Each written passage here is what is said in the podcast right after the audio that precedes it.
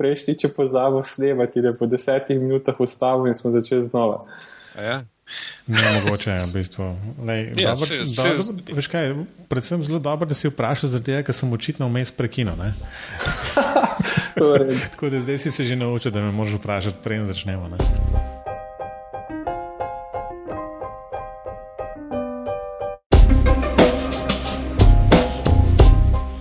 Pozdravljeni v oddaji podcasta BIM Pogovori, v kateri se z gosti sproščeno pogovarjamo o inf- informacijskem modeliranju zgradb in informacijsko-komunikacijskih tehnologijah v gradbeništvu. V oddaji bomo tokrat govorili o BIM standardih, zakonodaji na tem področju, širjenju znanja na- in, in še marsičem. Z vami sva Robert in Matevš.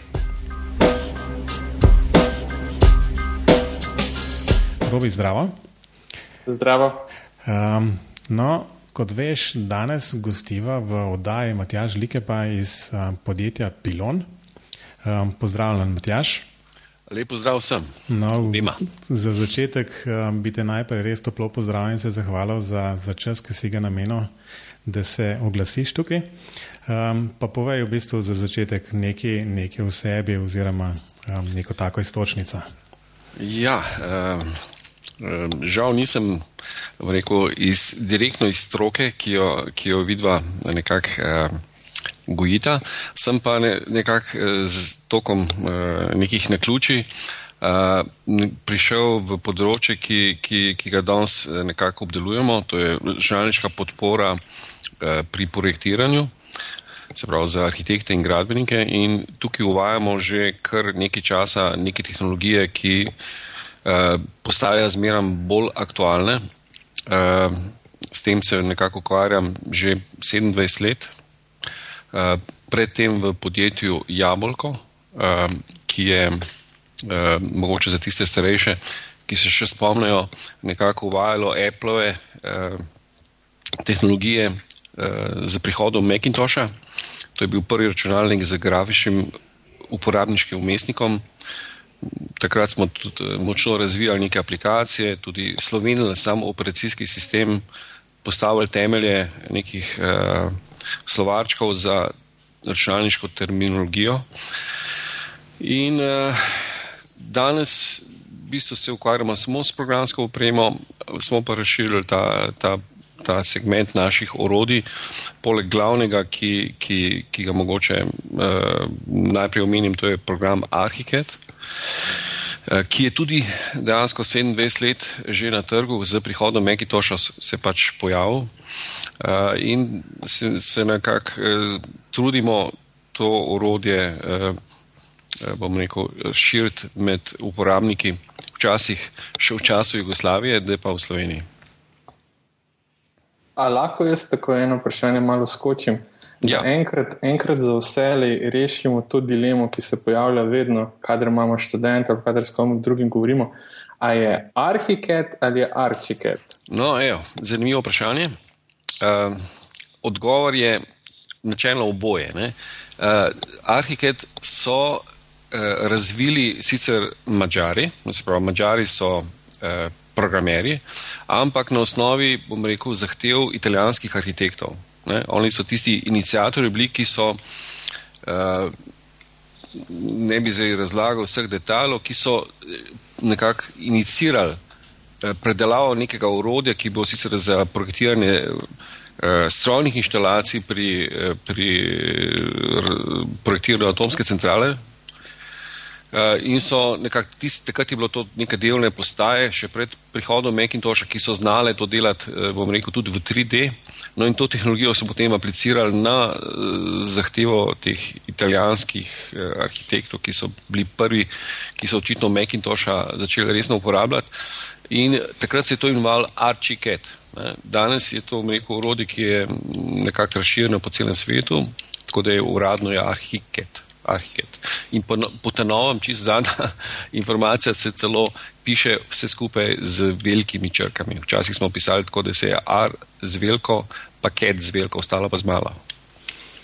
Zanimivo, to je Ja. ja. dobro vedeti, em, ker sem dejansko bil zmeri navajen in govoriti arčiket. Um, Ja.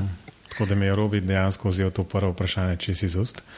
Um, pa to, da se na novo dejansko piše vse z veliko, je tudi um, nekaj. No. Če se že o tem pogovarjamo, pa vsaj na spletnih straneh, da, da je pravilno napisano, v bistvu, da ne bomo ja. učili napačno. To bo tudi za nas nova zadeva, ker zdaj smo strogo, saj jaz osebno sem strogo opazil, da sem črkoval pravilno oziroma uporabljal velike in male črke, ker se mi je zdelo to pomembno, čeprav mogoče. Uh, no, v bistvu, glede, glede, zdaj ravno, ko smo pri uh, pri Graphisoftu, Arhikedu. Um, v bistvu, sem, ko sem se pripravljal na to, sem šel malo nazaj pogledati, v bistvu, kdaj je Nemček v bistvu prevzel Graphisoft. Uh -huh. um, jaz sem živel skozi v prepričanju, da je bilo to praktično um, eno leto nazaj.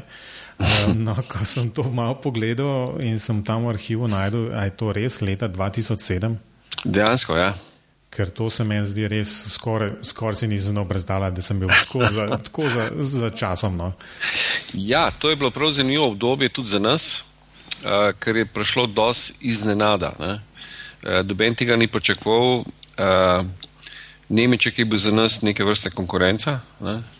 Uh, saj v nemško govorečih državah nekako ni bil to razširjen po celem svetu. Uh, ampak vsekakor je bil konkurenca in potem, ko je prišlo do tega, eh, bom rekel, prodaje ne, lastnikov Grafsofta, Nemeč, eh, se pravi Nemečku, eh, smo bili kar mal, mal v šoku in tudi nismo vedeli točno, kaj bo sledilo. No.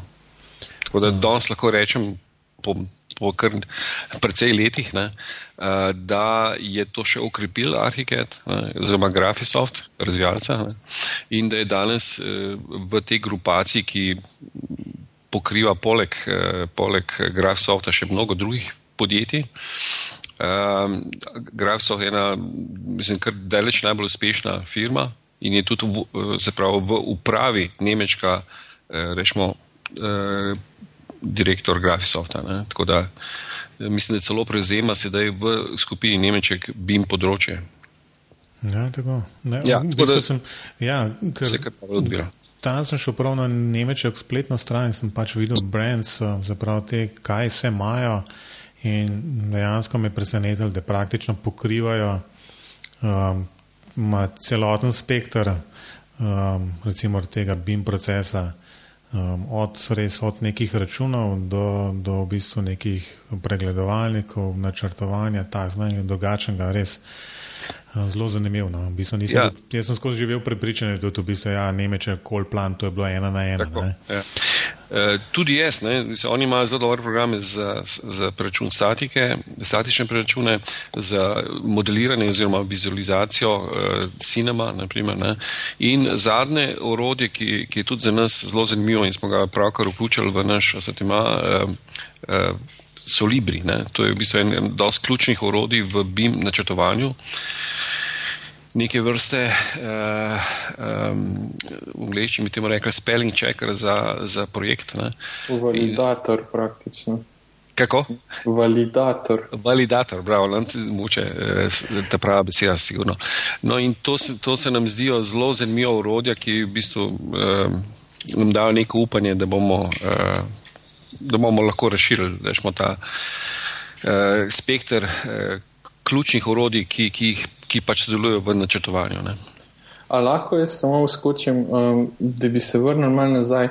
Jaz sem pred kakim tednom kolega iz vašega podjetja uh, videl na fakulteti, je imel predavanje za ene naše študente in je povedal eno zelo zanimivo zgodbo o tem, kako je grafik sploh nastal neki od dveh mađarskih arhitektih, ki sta pretihotapljali prvega meka na mađarsko. ja. a, a bi lahko mogoče to, to zgodbo ponovil, ker to se mi zdi pa res odlična zgodba, ena taka skoraj vohunska zgodba, kako je to vse skupaj nastalo. Ja, v tistem času je bila, ko je ta program nastajal, je bila Mačarska še, bom rekel, strogo v, za, na drugi strani zavese. Ne?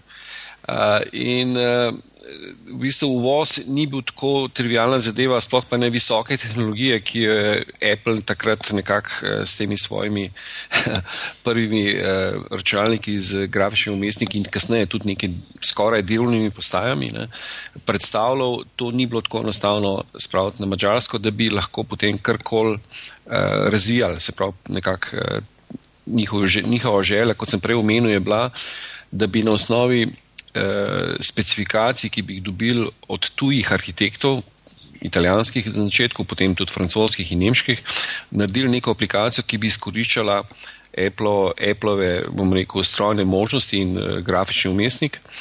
No in uh, Gabor Bojar, ki je bil uh, takrat, uh, kot sem omenil, razvijal neke, on je drugač fizik, uh, ni arhitekt, uh, ki je razvijal takrat uh, nek 3D software za delne postaje za projektirane stolne inštalacije pri, uh, pri uh, atomski centrali, ki so jo takrat načrtovali.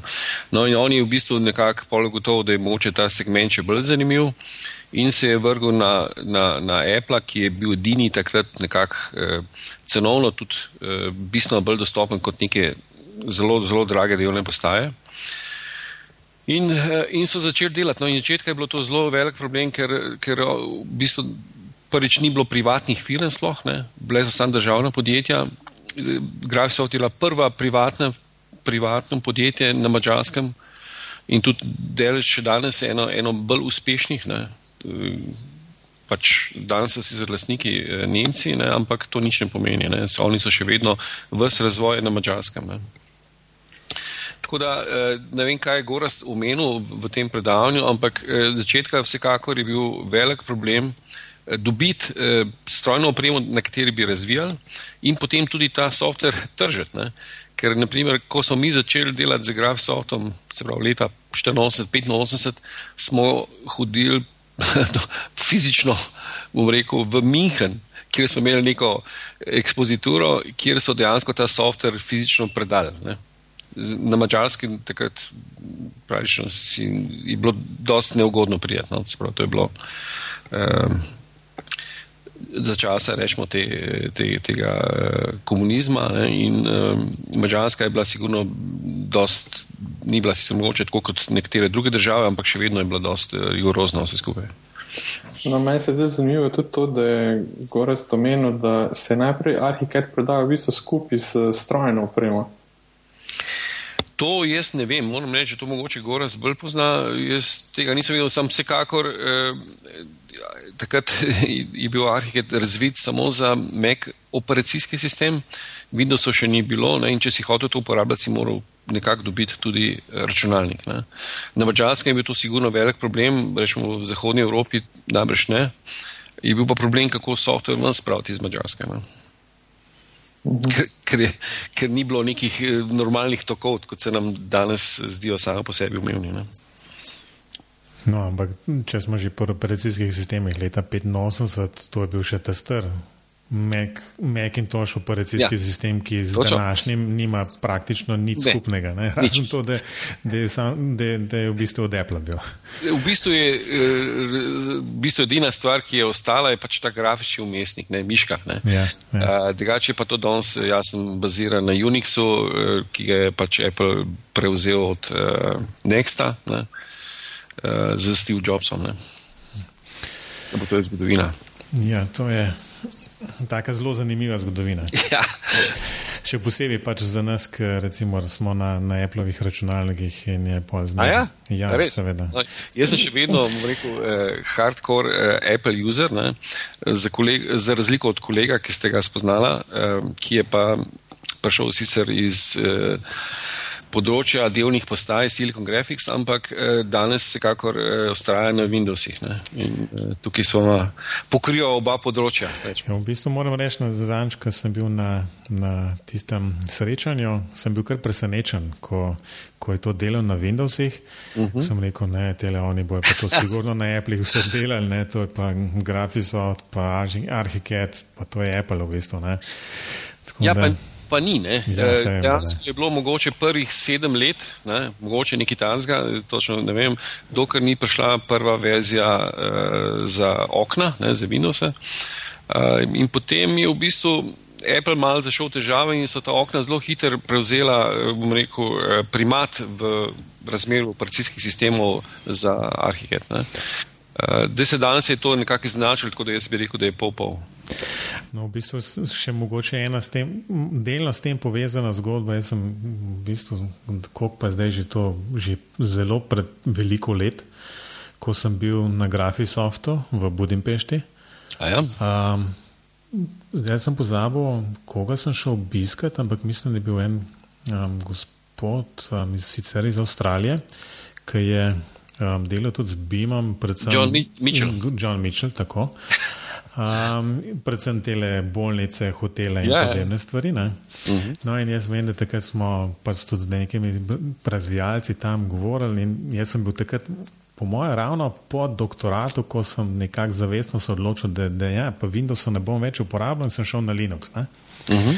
In sem takrat nesrečne razvijalce tam v Graphisoftu moril, kdaj bo pa Linux verzija.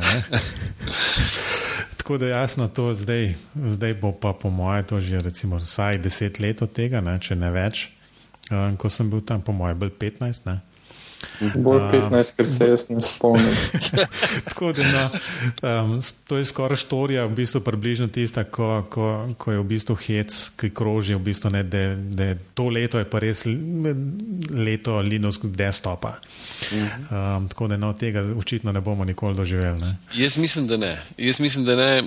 Nimam dobenih, eh, bom rekel, afinitete za ali pa proti, ampak eh, gledam, koliko dela čaka in kakšne, bom rekel, koliko je truda vloženega, da se, ena, da se nekako eh, enako kvalitetno podpreta obe platformi ne? in uh, kaj vse imajo v planu za naslednje leta, tako da jaz mislim, da je Linux je. Uh, Ja, mi, ampak je, je, pa, je pa, mislim, tako bom rekel, je pa zanimivo. Ne, se mi zdi, jaz ne vem. Um, Vprašanje je jasno, če, če, se bo gra, če se bo oziroma Graphisoft oziroma Archicad razvijal še zmeri v vem, Objective-C kot programskem jeziku uh -huh. ali bo počašli na Swift. Še posebej zdaj, ko je Swift načeloma open source, Apple ga je ven dal, dela še celo zdaj že na Linuxu. uh -huh. Tako da mogoče se pa enkrat zgodi, da bojo tudi izdali določene grafične knjižnice, ki bo pač to omogočali, da bo relativno tako brez večjih nezgod šlo tudi na kakšen drug operacijski sistem. Ne?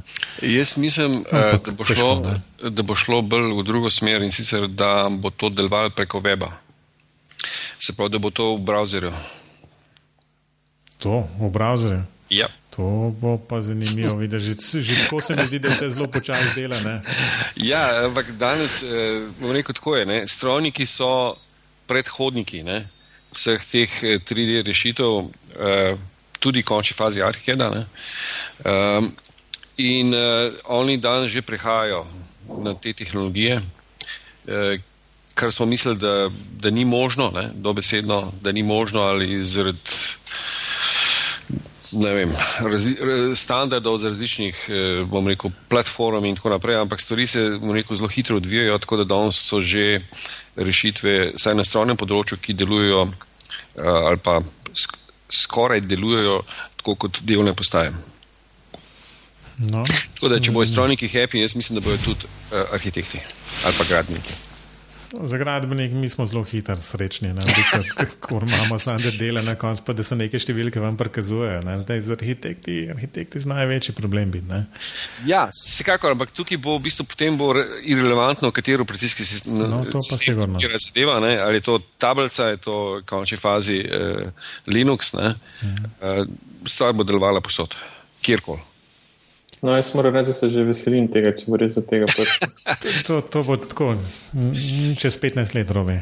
Takrat, Ja, jaz, jaz- bom počasi o penziji razmišljal. Jaz upam, da še nam še v penzijo no, do takrat. Uh, v glavnem, jaz to pričakujem v roku, rekel, pet let. Wow. Ja. Ja, jaz bom tudi rekel, wow, to zato, ker tudi AutoCAD v brskalniku še ne dela v redu. Ja, vem, to, to so zdaj so začetki, ne? vsekakor, ampak sem prepričan, da vsi delajo na tem.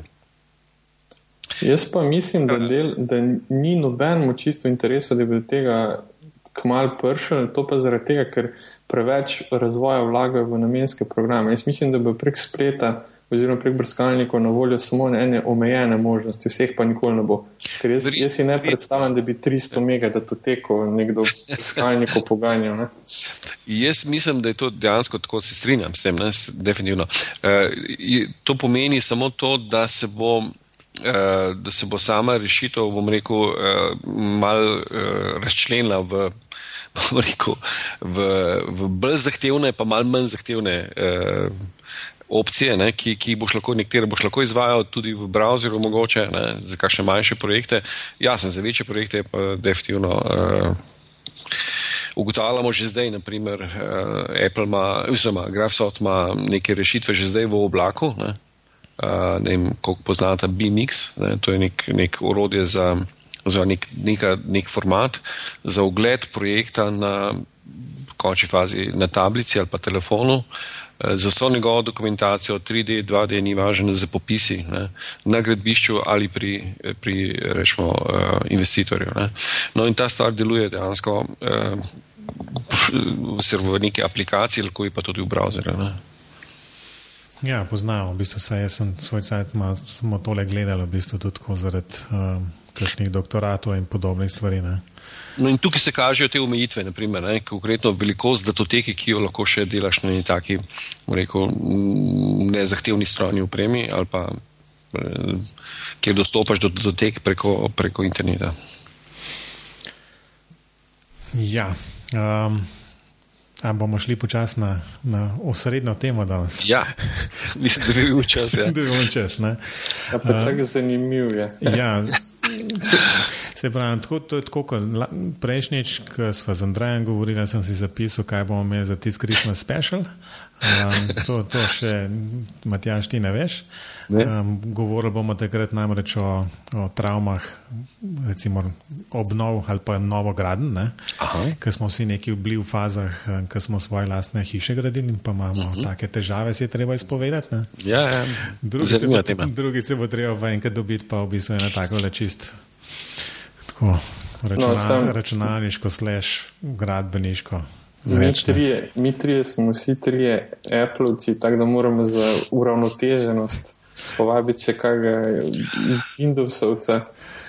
Ja, sam ne tizga, ki na Appleovih strojnih opremi uporablja Windows. Tist, to, to, ne, ja, to ne šteje. Ne? Ta ne šteje. Gorac, Gorac je sekakor, moj kolega je sekakor ta prav, ne, ker je eh, spoznal tudi Apple. Ne, ampak se je odločil, da bo ostal na Windowsih. Uh, tako da mi imamo zelo, zelo rekel, argumentirane debate na to temo, ampak uh, vsak ostaja na svoji strani. To, to me pa preseneča, ker običajno so proti Apple tisti, ki ga nikoli niso preizkusili. No, on ga je imel, on je imel eno leto, dve, ne, enega Apple prenosnik, sem na koncu je, je šel nazaj na Windows. Tudi takšni so očitno. Tudi takšni so, ja. Jaz ga ne zastopam, ampak on je pač se tako odločil. In... Še dobro, da ga danes ni v tem pogovoru. Yeah. No, no, ja, okay, skratka, gremo, skratka, gremo kaj bomo zdaj rekli? Um, v bistvu je druga točka, ne, da smo dali v bistvu to uvod in zdaj obdelali smo tri četrt težav. Um, v bistvu smo rekli tudi, da ja, fino bi bilo, da bi to ta softver posod delo. Um, morda sorodna zadeva je, da bi pa ta model, ki ga pač skozi proces BIM-a v bistvu gradimo, bil nekako posod dostopen, um, ne samo na različnih operacijskih sistemih, ampak predvsem različnih programih za, za, za različne namene. Tako da Veliko je že pač narejenega na tem področju, so tašni in drugačni standardi, uh, so težne po pač jasno uveljaviti teh standardov tudi v praksi. Uh, Matjaš, jaz verjamem, da imaš mnogo več takih direktnih znanj o tem, kaj se dogaja v, v svetu, v Evropi in jasno tudi v Sloveniji in kako uh, pač ti, kot nekdo, ki je zelo blizu temu, ima stik s prakso, v bistvu gleda na to. Ja, jaz vidim to kot en uh, večjih problemov, uh, predvsem na nivoju nacionalne zakonodaje. Uh, danes uh, Evropa sprejema neke, uh, bom rekel, ali pa ustvarja neko zakonodajo, ki bo veljala vseh, član, za vse članice. In nekatere so že pohitele. Vem, poznamo, da so Finci bili med prvimi, ki so to zastavili, oziroma Skandinavija, potem kasneje v celoti norožani danci. Da, danes, ali pa že nekaj časa, se zelo močno trudijo in so zelo agresivni Angleži, lansko leto celo Avstrijci. Vsi, vse te države, pa nizozemci in podobno, so že sprejele svoje zakonodaje na temo BIM, BIM procesa. Ko se, ko se razpiše nek, nek natečaj, in se nekako eh, zahteva, da se dela po BIM procesu, se pravi, eh, uporablja BIM tehnologije, se ve, kaj to pomeni. Ne? Pri nas se to še ne ve, ker tega nismo sprejeli in čakamo, da nam bodo drugi to nekako eh, definirali ali pa EU.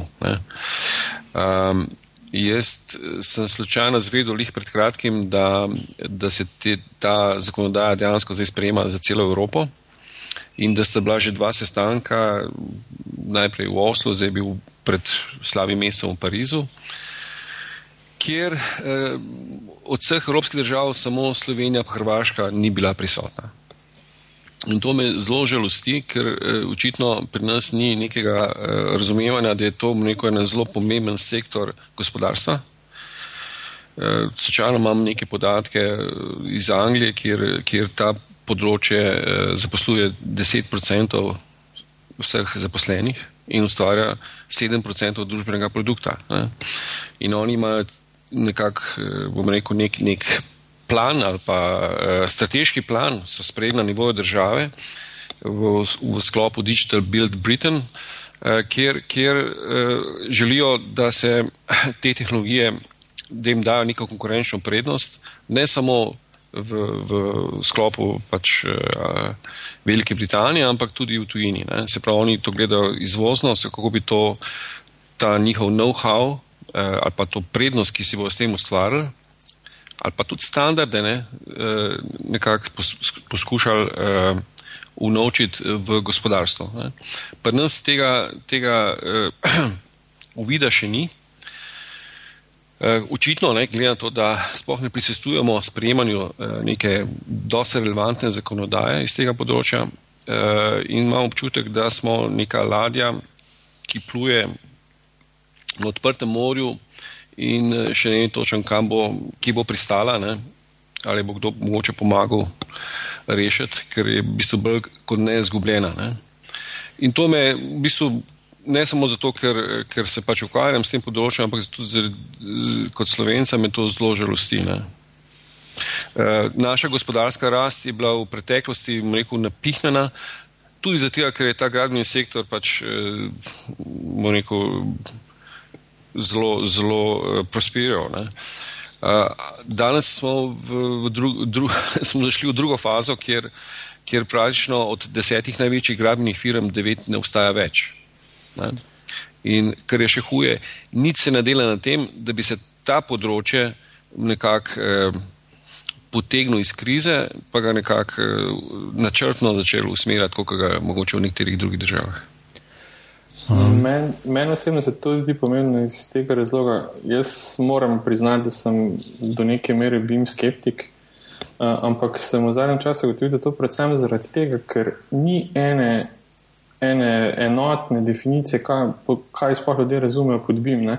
In mogoče v praksi bi pa bilo pomembno, oziroma bi predvsej pripomoglo k, k tem dojemanju BIM-a, to, če bi se v zakonodajo uvedli, da bi ga vsi razumeli enako.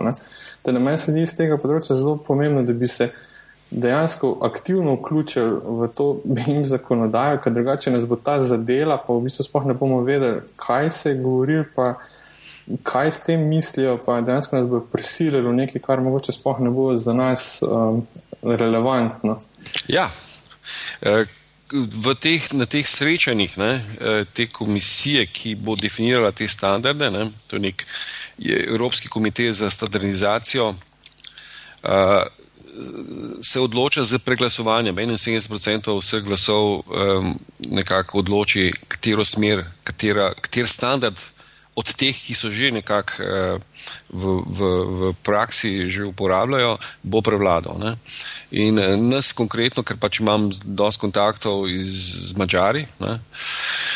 Uh, so nas dobesedno, so mene zahakli, so rekli, kako to, da, da vas to nič ne zanima, da se sploh ne držujete nekih, uh, nekih uh, bom rekel, teh uh, sestankov, kjer, ki bojo dosti pomembno vplivali na, na vaše gospodarstvo. Uh, dejansko sem potem malo razmišljal, ne, že sedaj ne, se nam nekako imamo občutek, saj jaz, ne, da, se, da pri nas že zidajo sosedi, malo bojo še načrtovali.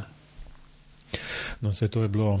Za vse, za vse projekte, gre, pričujem, za vse projekte, ki bojo financirani strani EU. Ne, vemo pa, da se danes brez resnih projektov, brez EU denarja, da jih ni. Ne, ali pa države. Ne, država bo nekako tudi morala to participirati. Se pravi, če, bo, uh, če bojo hoteli, pač, da, da, da so države, mi gre največji investitor, več ali manj v vseh uh, državah EU. Kot, kot eh, finančno gledano. In če bo država morala delati po postopku EU-ja, mislim, postopku BIM-a, ker bo pač ta zakonodaja sprejeta, mi pa še ne vemo točno, kaj bi, ne, potem, ali pa sploh kaj je BIM, ne, ker je še hujš. Eh, potem jaz mislim, da se nam slabo piše. Ne? Ja, um, se celoti strinjam s tem. V bistvu je to, kar se sprašujem, oziroma to, kar se nekako želim iskati neke razloge, zakaj je pač situacija takšna, kakršna je ravno tistem, kot si prej ti omenil, Matjaž, da, da je 90% recimo relativno velikih podjetij ne obstaja več ne, z tega gradbenega sektorja. Um, in ni nekoga, ki bi v bistvu ta voz povlekel za sabo. Um, da je še huje, ja. obstaja za več kot milijardo nepremičnin uh, na slabi banki, uh, za katere se išče kupca. Ne? Tako da zelo malo je investitorjev, ki bi danes bili pripravljeni, uh, bom rekel, uh, z, uh, začeti neke rekel, projekte uh, za neznanega kupca. Ne? No, sam po drugi strani pa tudi zdaj za te največje projekte, kar se trenutno izvajajo, mogoče, ne vem, mogoče to so nepreverjene informacije, ampak slišal sem neke zgodbe za ta drugi karavanški tunel, uh mhm. -huh. da so v razpisu dejansko bile neke zahteve po BIM modelu, pa nihče točno ne ve, kaj, kaj želi. Ne?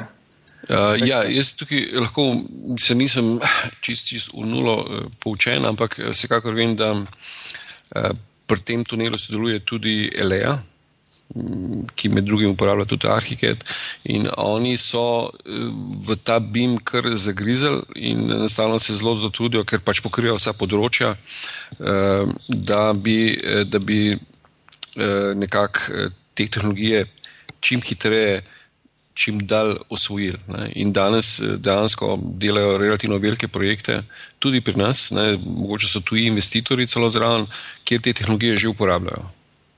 Ni, ni samo predor, rečemo tudi razni projekti, od IKEA do nekaj. Ne. Pač se, se dogaja. Nekateri, nekatera podjetja so, so dojela, da je to izziv, da je to lahko tudi neka konkurenčna prednost. Ne. Uh, sploh, če, če sodelujejo s tujimi investitorji. Ne? Ja, zdaj za to upeljavo, pač, če že govorimo, predvsem gre za upeljavo BIM-a, v bistvu, ker to, to, ko bo enkrat širše spoznanje, da je to nujno, potem se bo najbrž tudi zakonodajno to zelo hitro lahko uredilo, oziroma bomo v to prisiljeni. Uh -huh. um, zdaj, Slovenija se mi zdi bolj, ko razmišljam, na kakšen, bi bil model za nekak. Um, pospešiti to širitev BIM-a v, v praksi. Uh, Slovenija vsekakor se mi zdi primerna za, za nekaj, kar bi trg uravnaval, ne? kjer bojo prišli investitorji in bojo zahtevali, da se to naredi po BIM-u in tako naprej. Ne? To je edini model, ki ga jaz vidim tukaj v Sloveniji, je ta, da nas nekdo dejansko udar po glavu pa reče, od zdaj naprej se bo tako le delal pika. Um, to, to, misliš, to čakamo. Ne? To misliš tuji investitorji? Jaz, investitor bo ja. najbrž prišel in rekel: ja, Domači investitorji mislim, da, da niso tako, bom rekel, seznani z, z temi eh, rekel, informacijskimi tehnologijami, ki, ki, ki so prisotne pri tem. Eh, tako da oni dejansko ne znajo definirati. Eh, rekel, tehnologij, po katerih bi rad uh, imeli pač, uh, svoj projekt. Jaz, jaz osebno mislim, da bi mogla država uh, zastaviti to kot, nek, kot so Angliži ne, pred časom, kot nek strate, strate, neko strategijo na tem področju, uh, kjer bi. Uh, ali, uh, ta evropska zakonodaja se bo sprejemala še nekaj časa, ne? to ni danes na jutro. In uh, tako Finci, naprimer Španci so prevzeli finske standarde, so jih lepo prevedli, se pravi, so, so, so um, dokumentacijo iz tega področja in jo implementirali. Ne? Uh, Avstrijci nudijo to isto, rekel, brezplačno, mislim, da stane vem, 100 evrov, pa dobiš vse predpise, ki so jih lansko leto sprejeli. Uh, tako da neko, tukaj kakšne hude, ne vem, tople vode izumljati, mislim, da ni potrebno. Bolj je potrebno se odločiti na nivoju države, ali je to res neka, neka, nek, nek, neko, bom rekel, uh, delovanje, ki je smiselno, zato da se bo Slovenija, bom rekel, hitreje razvijala, da bo bolj konkurenčna, da bodo strokovnjaki odhajali v tujino. Ne? Danes, naprimer, poznam mnogo arhitektov, ki, ki pač delujejo v teh državah, kjer so te zadeve že, rekel, predpisane v Angliji, naprimer, ne? ali pa ne, eh, v sosednjih državah. In uh, to že prakticirajo. Pri nas praktično strokovnjaki odhajajo, ne? zato ker, se, ker stagniramo na tem področju. Ne? No, ampak kako se vam, oziroma tebi, kako se ti pa zdi realno, da bi se to dejansko upeljalo v Slovenijo v prakso, recimo v naslednjih par letih, glede na to, da že itak zakon o graditvi objektov že tako tak predvideva, da bi se lahko recimo gradbeno dovoljenje vlagale elektronsko in podobno, pa upravne note še zdaj tega ne izvajajo. No, jaz, jaz lahko rečem, da sem celo en dopis naslovil na, na vse relevantne se pravi, eh, inštitucije, se pravi tako fakultete kot, eh, kot eh, ZAPS, inženjsko zbornico, kot tudi na vlado, kjer sem jih pozval, da sodelujo pri ustvarjanju te zakonodaje. Eh, ker, ker, sem, ker sem že prej omenil.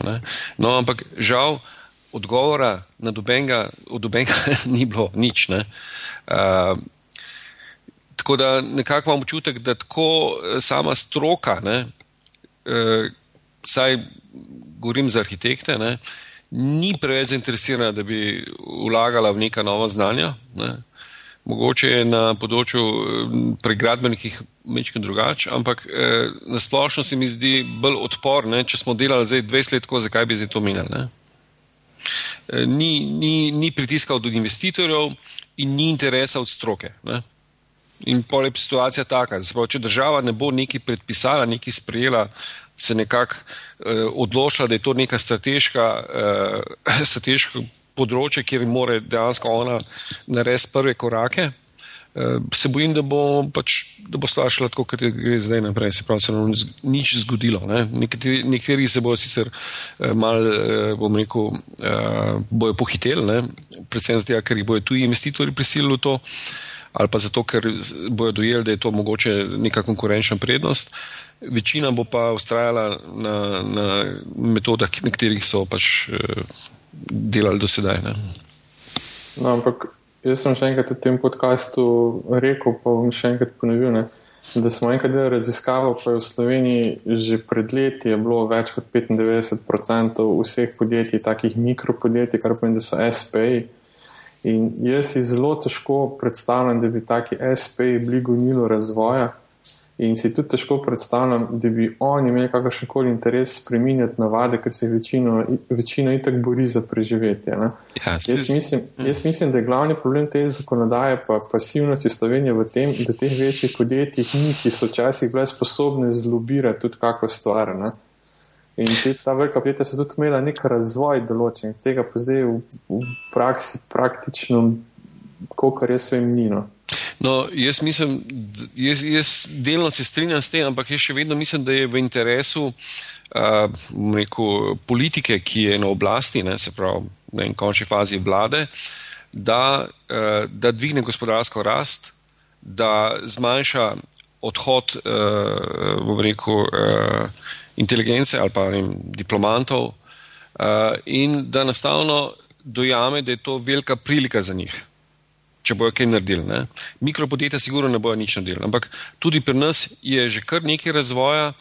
Eh, lahko se pohvalim, da so nas eh, prosili, če lahko predstavimo neke rešitve, ker smo naredili tako imenovane BIM knjižnice za, za, podje, za tole, eh, kaj, trimo, če, če lahko to predstavimo na japonskem. Ne? In smo šli dol in smo en teden se nas vozili okoli in smo to japoncem kazali in so bili vsi navdušeni. Ne?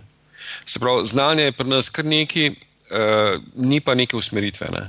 In jaz mislim, da ta usmeritev sigurno ne bo prišla od mikropodjetij, kot si rekel, uh, se borijo za preživetje. Ja, torej, na, recimo na, na raznih združenih univerzah, predvsem um, najbrž. Um, Ja. Pač nekaj, ja. da storijo v tej smeri in da najdejo sogovornika na strani politike, Tako in je. v bistvu probajo to nekako spraviti čim prej. Ali pa vsaj jih seznaniti do te mere, da bojo v bistvu razumeli ja, neke ja, prednosti, ja. ki bi jih ponujali. Ja, jaz mislim, da brez politike bo ta proces uh, usmerila Evropska unija. Uh, če pa bo politika dojela, da je tukaj neko prilika, ne, da, se, da se dejansko nekaj naredi, in da je to tudi v njihovem interesu, potem se bo pa mogoče malo pospešilo. To je ja. moje mišljenje. No, ja, mislim, da, da ga kar delimo tukaj, le, um, sodelujoči danes tukaj. Ja. Um, da se skratka v bistvu bolje vprašanje, um, na kakšen način to narediti, um, kje so vzvodi, ki jih lahko imamo, um, najti sogovornika, skratka, ki bo um, dovo, pripravljen v bistvu nas poslušati. Pa jasno, to so to zgodbo okoli Bima zapakirati v, v, v tako luč, da bo nekako prepoznavna, pa v bistvu, da se bo videl nek, neka dodana vrednost tega. Ne. Točno to. Tako da jaz, jaz imam s tem sicer pač določen problem, ne, ker Bim kot tak, pa kaj proces in tako naprej, zdaj sem se to že naučil. Um, Da, da je v bistvu tista neka dodana vrednost tega pride v bistvu pol skozi celoten življenjski cikl ne, ne, ene zgradbe, stavbe. Um, in je to dokazati oziroma pokazati, če nimaš že nekih dobrih praks narejenih tukaj, um, imamo kar znal problem, bo treba kar malo v dodzuni prpelati koga oziroma pač pogledati neke, neke primere zunaj. Ne. No, jaz, jaz bi rekel uh, tudi to, ne, že zdaj. Ne, naprimer, eh, se, se lahko ugotovijo projekti, ki so, ki so rekel, realizirani v Sloveniji. Ne, na misel mi pride uh, City Park, pa rečemo te dve fakulteti, ki sta, jih, uh, ki sta se končale, mislim, da lansko leto, so Elektrofax pa Kemija. Uh, tukaj so konkretne prednosti zelo hitro ugotovili. Pri prvem, sicer City Parku, ne, ampak e, ena od rekel, prednosti Bima je ta, da različna uh, inženirske stroke sodelujo med sabo na osnovi, zaenkrat še na osnovi referenčnega modela. Ne. Se pravi, oni so imeli, če se prav spomnim, preko 100 prebojev, ki jih je bilo treba narediti, potem, ko je bila, rečemo, City Park že, že narejen, da so lahko te strojne inštalacije nekako realizirali. Ne. Uh, se pravi, če bi imeli strojniki oziroma arhitekti eh, tudi strojne inštalacije noter v, v projektnem bil, kaj, kaj jim načrtujejo, verjetno ne bi bilo teh prebojev in tudi jaz sem bi bil projekt bolj kvaliteten. In to je ideja teh, tega bima, ne samo da, da se stvari naredijo pač v roku, ker, ker ni nekih nepredvidenih ali pa jih je bistveno manj ne, eh, težav zapletov, ampak da se naredi tudi ceneje. Ne. In tukaj pri nas vemo, kako se delajo te naprimer, večji projekti, razne bolnice in podobno, kjer je bilo včasih aneks na aneks. Ne. Kar je še vedno. In, kar je še vedno. Ne. Vem samo to, da naprimer, pri teh dveh fakultetah, ki so jih sicer eh, delali po klasični metodi, se pravi 2D risanje, so nekako rekel, srečnim na ključem, eh, nekako jim je uspel, da so nekaj časa še naredili in so na koncu to naredili tudi eh, model in so preverili strojne inštalacije za arhitekturo, za, za statiko in podobno. In so gotovili, mm, ne vem koliko, ampak ogromno število napak ne, pri projektu, ker stvari niso bile usklajene. Ne. In so jih jasno pravčasno odpravili, preden so zastavili. Ne. Tako da jaz mislim, da ta stvar rekel, je zelo uporabna in zelo država bi mogla to videti tudi kot neko prednost, kjer lahko veliko prihrani. Ne? Danes se pogovarjamo o tem, ali bojo upokojenci dobili 200 evrov dodatka ali ne. ne? Skozi ene take državne projekte, kot je fakulteta, naprimer, ali pa vem, bolnica, ali pa podobne zdaj so pa prihranki, ne vem, verjetno milijone. Ne? Ja, kar milijarde. Ja, hočem povedati, da, da enostavno te stvari so zelo, zelo interesantne že danes in država kot največji investitor bi morala imeti, če, če že ne kot gonilo, bom rekel, nekega investicijskega ciklusa, se pravi pa konkurenčnosti, ne, da bi jim tudi mi projektirali ali pa zidali, ne vem, eh, ne, pri, pri ne, rečemo, Saudski Arabiji, naprimer, ne samo v Sloveniji, ne, a, tako kot delajo Angleži, potem, eh, potem pač se to ne bo zgodilo. Ne. Jaz mislim, da tukaj je država oziroma politika je zelo ključen faktor pri tem. Um, ja, se strinjam. Robi, ja. imamo slučajno kakšno vprašanje direktno še? Ne, v bistvu, kar mi se mi je zdelo med pogovorom skozi po glavi rojeno, je bilo to, da vse, tudi če to zakonodaja, recimo, če bo ta zakonodaja dejansko uveljavljena, enkrat, jaz, jaz vem, da ni vprašanje zdaj ali bo ali ne, ampak samo kdaj bo pa, če bomo mi imeli kaj vpliva na njo. Um, jaz mislim, da, da bo treba tudi urediti, kaj bo s temi modeli po gradnji. Vem, da vsi govorimo, da bo pač ta cel proces pa tako naprej, ampak po, po stari navadi gradbeniški se potem vsi načrti po gradnji vržejo stran in in potem po vsaki prenovi razbijamo pol hiše, pa zamenjamo pol inštalacij. Teda jaz mislim, da bo morala zakonodaja tudi to področje urediti. No? Sem to sem hotel dodati. Ja, jaz se s tem zelo strinjam, o tem nisem nič rekel, ampak dejansko je ta upravljanje z nepremičnino kot, kot uh, si že omenil pred, prej, ne, en glavnih stroškov, ko se stavba konča, pravijo, da je to vem, 10% vrednosti uh, stroškov, ki jih, bo naredila, uh, ki jih bomo imeli s to stavbo v njeni življenjski dobi. Uh, se pravi, 90 ali pa 80% bo pa stroškov, ki bodo nastali v času uh, pač njene življenjske dobe. Ne. No in tukaj z, z, z tem področjem če imamo, bom rekel, model ne, in znamo uporabljati neka urodja, ki se danes uporabljajo za ta področje, ki ga imenujemo facility management. Tukaj so jasno, država spet ima rekel, eno, eno večjih vlog pri tem, ker je pač lasnica mnogih nepremičnin ne, in tukaj lahko ne milijone, še kaj več prihrani. Ne. Tako da ta področje je v bistvu nadaljevanje tega, kar smo, kar, kar gradbenik ali pa arhitekt ali pa strojnik začne in se potem uh, ta dobit multiplicira ne, v življenjski dobi. Ne. To je, to je tudi gonilo mnogo kje, ne, zakaj uvajajo, zakaj hočejo imeti model, ni samo za načrtovanje, ampak predvsem za potem uh, samo uporabo, se pravi načrtovanje ali pa rekel, sledenje v njeni življenjski dobi, se pravi pri uporabi. Tu pa mislim, da se vsi trije strinjamo. Ja, ja, tako da ta področje je zelo pomemben, se strinjam. Ja. V celoti. Ja. Um, nažalost, jaz to študentom mer pravim, da je v bistvu fakulteta zelo veliko uči tist, za tistih prvih 10%, uh -huh. um, kjer načrtujemo, nekaj računamo um, se ukvarjamo s tem, kako bomo zračunali nekaj na, na pet decimalk natančno. Um, ker jasno, ko postaviš to v, v, v širšo zgodbo, vidiš, da je, da je to popoln nesmisel. In je popolnoma vse, če da še tisto tono železa več tja noter, ker um, na dolgi rok nisi več prehrano, če tega ne boš naredil. Ja. Jaz sem slišal pred časom, eh, pa nisem si rekel, če je točna informacija, ampak samo radi reda, ne, da samo uh, čiščenje steklene fasade ne, na, na, na te pediatrični kliniki ne, uh, stane 200 tisoč evrov. Zdaj, če to ni načrtovano ne, ali pa nekako upravljeno, ja. je to lahko zelo, zelo, bom rekel, uh, velik problem. No. Ja. Um, jaz mislim, da bolj, da nehamo, zdaj se slabo vole rade.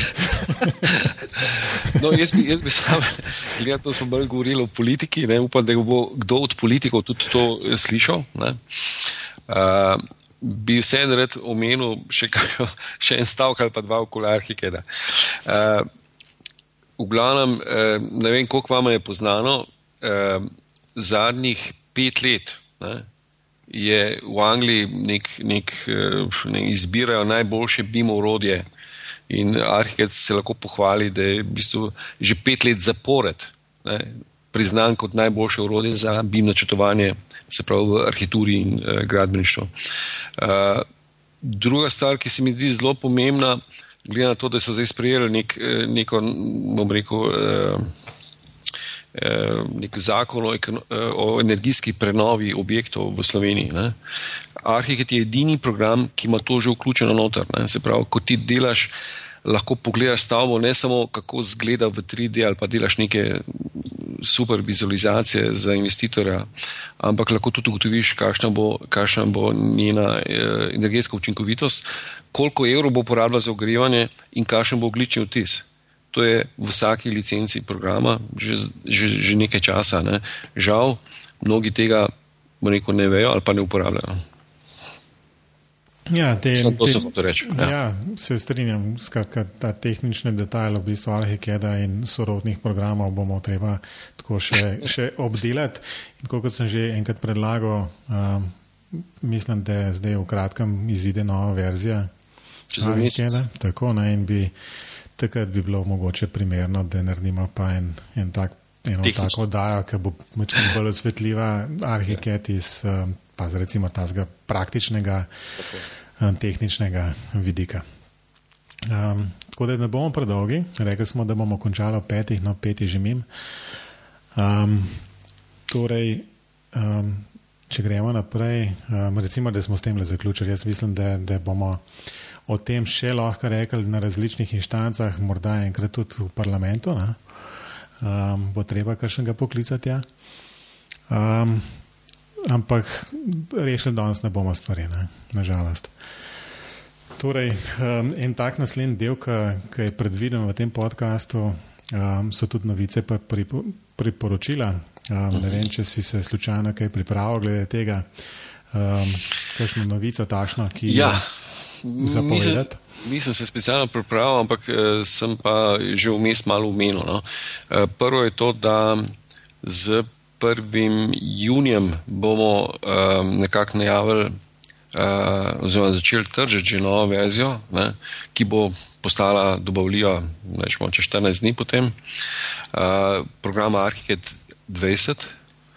Uh, mi smo odkovani beta tester že, že nekaj časa, tako da načelno uh, to že uporabljamo. Uh, mogoče to zanimivo. Uh, druga stvar je pa to, kar sem tudi omenil že Eh, program za preverjanje ne, eh, skladnosti z predpisi oziroma z uh, preverjanje samega kvalitete modela, kar je ključno za, za sodelovanje ne, z drugimi strokami, v končni fazi. Uh, in uh, to je program Solibri, ne, ki, ki ga praktično šele začenjamo resno uh, tudi uh, nekako upeljevati v Sloveniji. Ne. Nekatere, nekaj, predvsem v akademskem svetu se že uh, nekaj časa, bom rekel, uh, je že poznan. Ne. Pri nas tudi nekatera podjetja že malo gledajo, tiste, ki so pač pionirji na tem področju. Nasplošno pa nekako ta finski program, ki je sedaj prišel tudi v skupino Nemček, nekako ni poznan. Ne. Se mi pa zdi to ključno urodje pri BIM načrtovanju, da nekako lahko preveriš kvaliteto modela, eh, nekako ugotoviš neke, neke potencijalne napake na modelu ne? in, in tudi pol preveriš neke, ne vem, kako bi ti rekli v slovenščini, collision detection, ne? se pravi um, potencijalne, potencijalne um, uh, srečanja Eh, nepredvidena srečanja večjih strok na, na istem mestu, eh, se pravi, eh, kakšnih nosilnih, nosilnih stebrov, pa strojnih inštalacij in podobno. Ja, hvala. Um, to je to. Robi, povej. Um, ja, jaz vam pa danes bolj tako tehnično priporočilo, oziroma um, eno tehnično knjižnico. Um, našel sem v preteklem tednu, je bila izdana oziroma celo dva dni nazaj, bila izdana ena knjižnica oziroma Python skripta, ki je sposobna ser serializacije modela. Je recimo lahko iz stepa izvozimo v IFC, kar se mi zdi tako zelo zanimivo. No? Um, avtor pa dejansko sam pove, da, da transformacija ena na ena dejansko ni možna in, in je mogel pač izvesti neke, neke poenostavitve, ampak kar obljublja, tisto, kar sem jaz videl, model, je rezultat odličen. Da, če koga zanima tehničen del ali pa je tehnično podkovan, v zapiskih bo povezava do te knjižnice in si lahko ogledajo. To, kar je predstavljeno, če to res deluje na tak način, je odlično. Jaz pa žal še nisem imel priložnosti preizkusiti. -hmm. Zanimivo. Mm. Um, Mogoče samo še ena stvar, sem se spomnil, ki, ki je eh, tudi zdaj postala do, zelo aktivna. Eh, pri načrtovanju se, se zmeraj bolj trudijo narediti neke zelo izvirne oblike, eh, nekje tudi matematično podprto oblikovanje, spravo algoritmik dizajn. Eh, je sedaj tudi nekaj, kar je povezano z BIM-om. Uh, Grassoft je namreč ustvaril povezavo med Grasshopperjem, to je eno urodje za rajno, ki, ki pod, podpira ta eh, način načrtovanja, ki ga danes eh, rekel, najbolj eh, slavni biroji eh, že uporabljajo nekaj časa. Ne. Naprimer, ala, ne vem, kako poznate te eh, rockstar biroje, ki jih mi imenujemo Big ali pa Zaha, Zaha Hadid, žal preminula. Eh, to so, to so v eh, zelo, zelo zanimive in tudi med študenti zelo popularne uh, opcije za uh, iskanje optimalne geometrije. Hm. Ja, zanimivo. Uh, nismo najbrž tako podkovano v teh arhitekturnih uh, stvarih, ampak uh, uh -huh. slišiš ja. vsaj tako bežno, bežno mi je znano, skratka imena, ki si jih omenil, arhitekturnih birojev, pa vsekakor. No. Uh -huh. uh, no, v bistvu jaz imam za priporočila danes nekaj, kar me ponovadi. Uh, kakšni vprašajo, kako zdaj to sploh snemamo. No, to je en tak program Skype Recorder, uh, ki je zelo zanimiv, v bistvu enostavno deluje, um, namesti se v Skype zraven in deluje kot nek plugin, v bistvu pritisneš in potem se to snema. Ma pa cel kup opcij za snemanje, tudi videa zraven in podobnih stvari.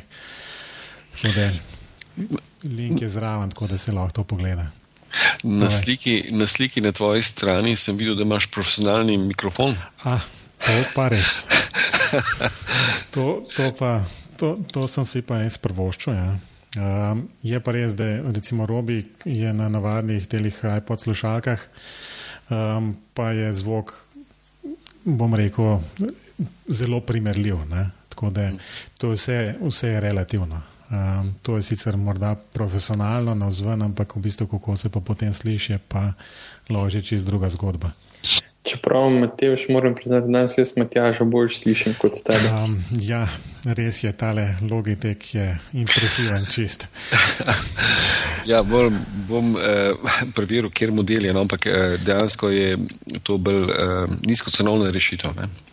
Ja, ampak se pozna, da je pač zvočnik oziroma mikrofon je najbrž čisto od spredi, ja. um, dosti tiho okolje imaš očitno um, in potem je pač zadeva, zadeva deluje. Ne? Mhm. Ja, zdaj so že vsi učili, tako da ja, sem kar sam. Pa pomaga tudi to, da je na meku. A, to pa vedno. Hvala. Hvala. um, no, gremo naprej. Um, imamo še hitro vprašanje pred, pred koncem te oddaje.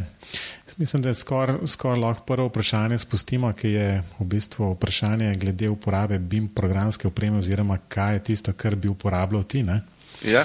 um, ne bom drugih imen navajal kot verjetno Arhiket. Uh -huh. um, sem prav gano. Um, super. No, drugo vprašanje, tisto, kar se vedno zrobi, malo hecava zraven, um, BIM, ali je to model ali je to proces.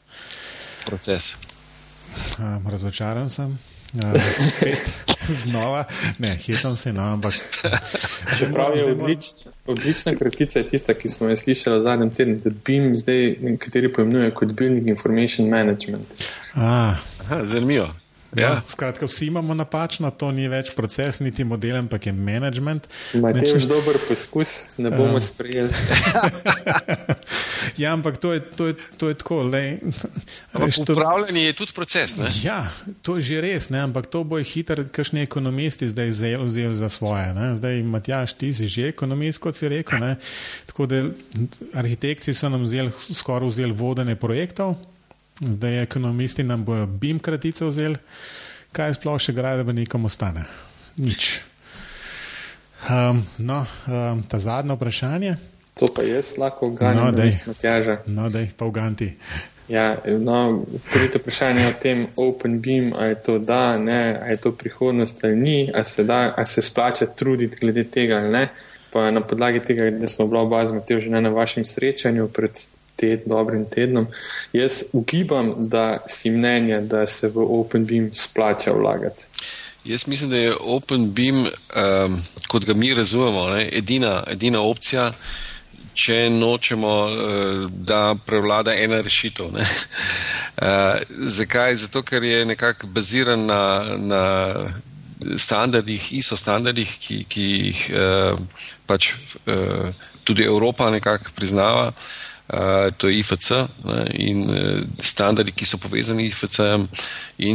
Danes že obstaja na tisoče aplikacij, ki med sabo lahko bolj ali manj uspešno izmenjujejo eno od variant IFC-ja, ki se še razvija in se bo še nekaj časa verjetno, ne, ampak danes je to žal najboljša opcija. Ni idealna, ampak boljše ne poznamo. In OpenBeam se nekako istoveti z, z tem eh, rekel, možnostjo sodelovanja z različnimi programi, z različne stroke. Um, super, hvala za odgovore. Um, mislim, da smo pri koncu te oddaje. Um, Matjaš, povej, še kakšna stvar, ki je posebej treba omeniti, kje vas lahko potencijalni pač poslušalci ja, najdejo? Ja, hvala. ja, mi smo locirani v tehnološkem parku na Brdu, v Ljubljani.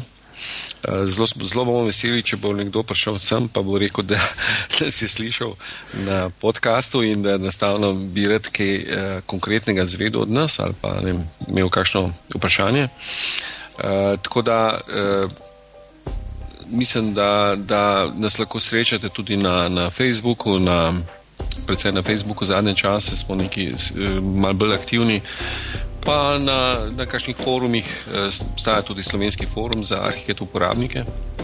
Uh, in na dogodkih, ki jih pač uh, napovedujemo, se pravi uh, 25. mislim, da bo uh, srečanje, bo uradno predstavljeno v Sloveniji 25. Uh, junija uh, v Ljubljani, v Tehnološkem parku in kasneje mislim, da tudi v Mariboru, uh, novo verzijo programa Arhitekt. Vsak je pa zmeraj dobrodošel, da se nam javi tudi preko maila ali pa ne, preko telefona. Pilon.si je pa naša, naša spletna stran. To. Hvala. Robi, povej. Mene, mene lahko še vedno najdete. Najprej, preden bom povedal, kje me lahko najdete, bom rekel samo to, da jaz tudi upam, da bi kdo prišel do vas in povedal, da vas je na podkastu. Drugač pa mene lahko še vedno najdete na Twitterju. Moj Twitter handle je @robertklinc. Še vedno tweetam vsem drugim, samo v Bimone. Um, moj e-mail je pa robert.klinc.net. Če kdo želi stopiti v kontakt, prosim. No, um, mene lahko poslušalci najdejo na mateoždelens.com, skratka spletna stran, tam najdete vse druge informacije. Um, razen povezave na BIM pogovori, um, podcast, tega mislim, da ne boste tam našli. Um, skratka, BIM pogovori so pa, koliko vedno na Facebooku, Twitterju in jasno tudi na spletu. Na spletu najdete tudi informacije o tem, kako se naročite na podcast. Za konec uh, bi se res toplo zahvalil Matjažu, da si vzel čas, uh, da smo rekli par besed uh, na temo zgodovine Apple in Graphisofta in jasno tudi kako in kaj z BIM procesi in zakonodajo v Sloveniji in širše. Uh, tako da še enkrat res najlepša hvala. Hvala. Um, torej, Robi, še kakšna zadnja beseda? Ne, tudi jaz se zahvaljujem Matjažu za njegov čas in upam, da se vidimo če najprej na predstavitvi nove verzije Arhikeda. Zelo bom vesel, če ta ustegna. Tako da hvala za povabilo uh, in um, noč, demo bimat. Tako. Ja, hvala, adijo. Okay, srečno. Adijo.